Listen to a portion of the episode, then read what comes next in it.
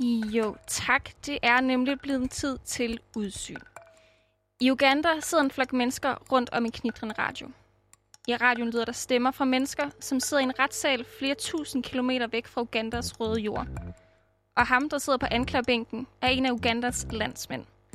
Dominic Okwen. Han var kommandør i gorillagruppen Lord Resistance Army, og dengang han stadig gik rundt i busherne, havde han typisk en grøn baret på hovedet og måske en patronbælte over skulderen. Men nu sidder han i Holland i et gråt retslokale uden vinduer, iført et jakkesæt og med et rubinrødt slips om halsen. Han er anklaget for folkedrab, tortur, tvangsægteskaber, voldtægt og bortførsel af børn til sin brigade. Og han bliver kendt skyldig. Over radiobølger hører landsbyboerne i flere uga- uganske landsbyer dommen falder over denne mand, der har været med til at traumatisere hele landet.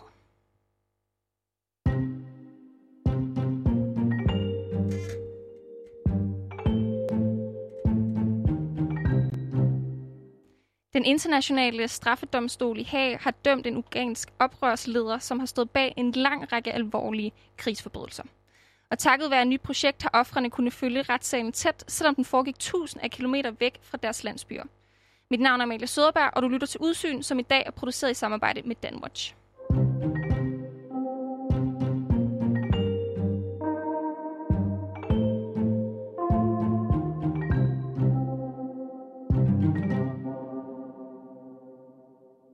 Der er blevet vist næsten øh, 600 videooptagelser fra retssalen på Acholi, som er det lokale sprog, på, på 25 lokationer, øh, hvor overgrebene har fundet sted.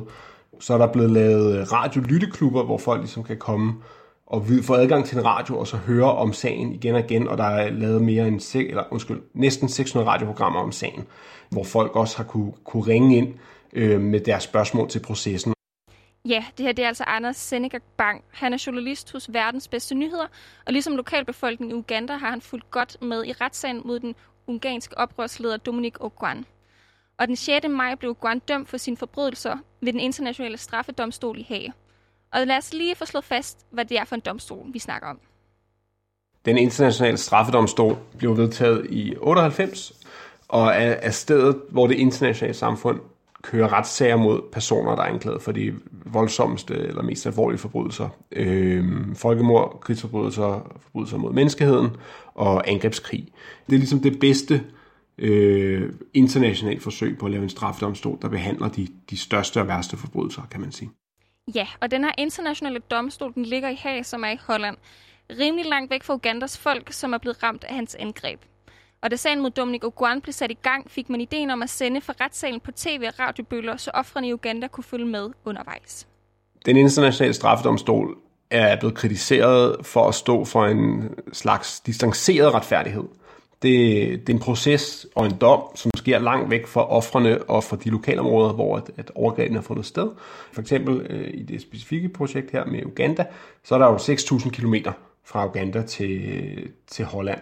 Og det er jo områder, hvor at det er måske ikke alle, der kan læse. Der er ikke øh, internet til mange i hvert fald. Man kan ikke lige tjekke på domstolens hjemmeside, hvordan står det egentlig til. Så de har prøvet at sætte et nyt program i gang for at, at, at lave en bedre inddragelse og en bedre kommunikation, øh, så offrene og lokalområderne kan, kan følge med og se, hvad der sker, og, og arbejdet ligesom bliver mere betydningsfuldt øh, for dem, og, og nemmere, at de nemmere kan få adgang til det arbejde, der sker ved domstolen. Ja, og jeg kan høre, der hvis er lidt problemer med sendingen, men jeg håber, vi den går igennem. Vi fortsætter. Sådan der. De lokale i Uganda har generelt så rigtig godt imod projektet, fortæller Danmarks ambassadør i Uganda altså om det her, og han hedder Nikolaj Havbjerg Petersen. Og mens de lyttede på de mange radiooptagelser, de her lokale, øhm, så fulgte de altså også med på sidelinjen. Der har været altså, gennemsnit 15 opringer i timen ind til radioprogrammerne undervejs, hvor indbyggerne har stillet spørgsmål omkring, hvad der foregik øh, ved, øh, ved retsprocesserne. Øh, så det er sådan en, en, en god indikation af det. Og som sagt også øh, altså det her med, at offrene, de berørte befolkninger, kan se, at det, der er sket, har konsekvenser, og det foregår på, på, på en ordentlig måde. Det tror vi har stor betydning. Ja, og så spørger man de lokale direkte, Altså så har de langt fleste af dem været glade for det her initiativ, fortæller Anders. Et initiativ, de danske ambassadører har været med til at sætte i gang. Der er en dansk forsker, der har været nede i det nordlige Uganda for at undersøge projektet og, og spørge folk, hvordan de har brugt det, og hvad de synes. Øhm, og han har i sit feltarbejde fået 3.000 lokale til at svare på, på hans spørgsmål. Og ud af dem så siger øh, 87 procent, at det er godt, at Ongwen er blevet stillet for den internationale straffedomstol, og, og 9 ud af 10 siger, at øh, selve outreach-projektet er godt, altså at der bliver øh, lavet en indsats for at, at nå ud med informationen og inddrage befolkningen og svare på deres spørgsmål. Det, det viser jo, at det virker. Øh, det er betydningsfuldt eller meningsfuldt for offrene og for, øh, for de mennesker, der bor i lokalområderne, hvor krigen fandt sted. Og der er et overtal også, der siger, at, at retssagen er vigtigt øh, for at, at få retfærdighed og få en bæredygtig fred, altså en, en længerevarende fred bagefter. Ja, den ufred og uretfærdighed, Dominik Uguen og hans guerillagruppe har været ansvarlig for, går mange år tilbage. Uganda blev uafhængigt i 1962, og, og nærmest lige siden har der været øh, forskellige etniske konflikter øh, mellem befolkningsgrupperne. Og i øh, 1987 blev oprørsgruppen, der hedder Lord's Resistance Army, dannet, efter den anden gruppe tog magten i, i Uganda. Og det førte så en krig mellem nu regeringsstyrkerne og, og Lord's Resistance Army i det nordlige Uganda og i andre lande i, i regionen, som den centralafrikanske republik og Sydsudan. Øhm, og det var en krig, der varede i 20 år øh, i det nordlige Uganda, og, og inkluderede forfærdelige overgreb og var en af de største humanitære katastrofer i Afrika i nyere tid. Ja, og den gruppe, der tog magten i Uganda, dengang bliver så ledt af Museveni, som stadig er landets præsident i dag. Så både Museveni og Lord's Resistance Army, der også blev kaldt for LRA, begik altså voldsomme overgreb på deres eget folk. For eksempel blev 90% eller op mod 90% af befolkningen i det nordlige Uganda blev internt fordrevne. LRA øh, kidnappede op mod 20.000 børn og enten holdt dem som gidsler eller tvang dem til at være børnesoldater. Der var tusindvis af børnesoldater. Der var angreb på flygtningelejre, der var tortur, øh, voldtægter, seksuel vold øh, og, og overgreb på civilbefolkningen. Så det var en, en, en, en forfærdelig krig, der kørte i lang tid. Lords Resistance Army kunne for eksempel finde på at skære bryster af kvinderne eller skære hænderne af deres gidsler. Ja, du skal ikke, øh, ikke google billeder derfra. Altså, der er folk, der ikke har nogen næser og læber og ører og sådan noget, ikke? Altså. Og Dominic O'Guen var altså lederen i den her Lord Resistance Army, som vi hørte tidligere. En oprørsgruppe, han var en del af næsten hele hans liv. Dominic Ongwen er selv en tidligere børnesoldat, der er også blev kidnappet af LRA, men så øhm, arbejdede sig op i gruppen, kan man sige, øhm, øh, og blev en af de fem kommandører øh, og havde en brigade under sig.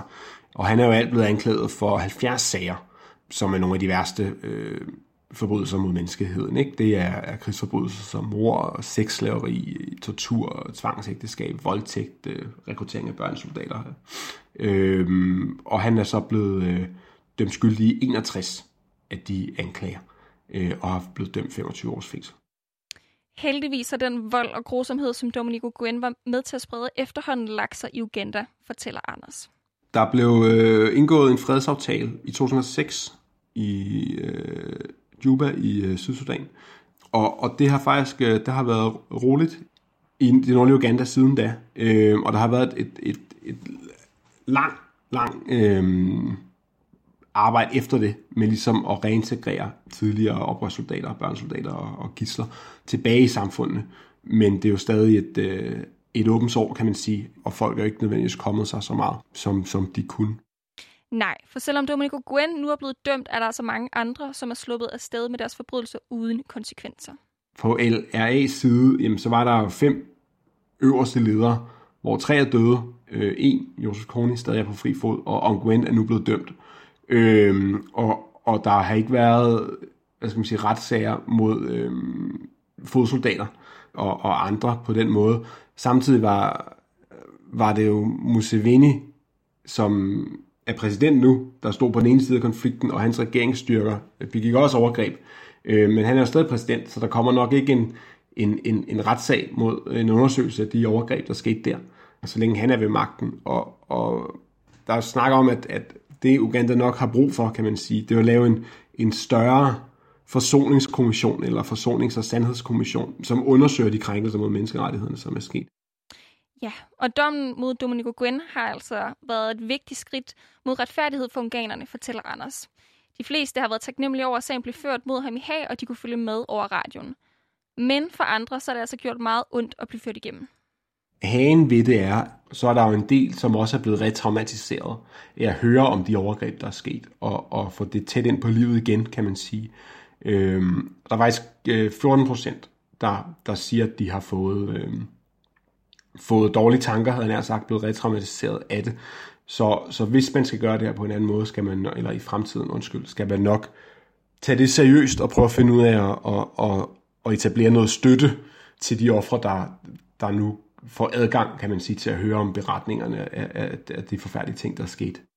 Danmarks ambassadør Nikolaj Heibjerg Petersen er nu stadig meget tilfreds med deres forløbige resultater. Og derfor vil han og ambassaden altså arbejde videre med dette projekt.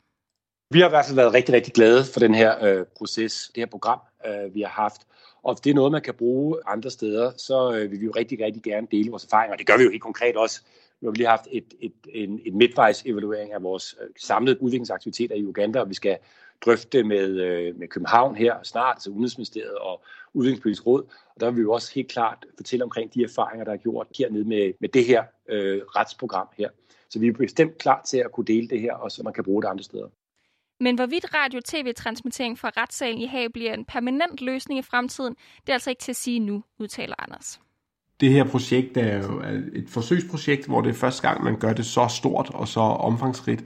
Indtil videre virker det til, øh, med det, det forløbige arbejde, der er lavet, at det er en rigtig god idé. Øh, det opfylder målene med, at, at lokalbefolkningen skal få adgang til det, og de skal kunne øh, forstå, eller i hvert fald finde øh, straffedomstolens arbejde meningsfyldt. Øhm, og, og det virker til, så, så, så det er helt sikkert noget, tror jeg, som domstolen sagtens kan arbejde videre med. Øhm, og, og dem, jeg har talt med om det her, er, er øh, imponeret af resultaterne, selvom der stadig er ting, der skal, skal gøres bedre, eller følges til dørs, kan man sige. Ja, programmet her er altså produceret i samarbejde med Verdens Bedste Nyheder, og hvis du vil læse mere om retssagen mod Dominico Guen, så kan du finde det på verdensbedstenyheder.dk.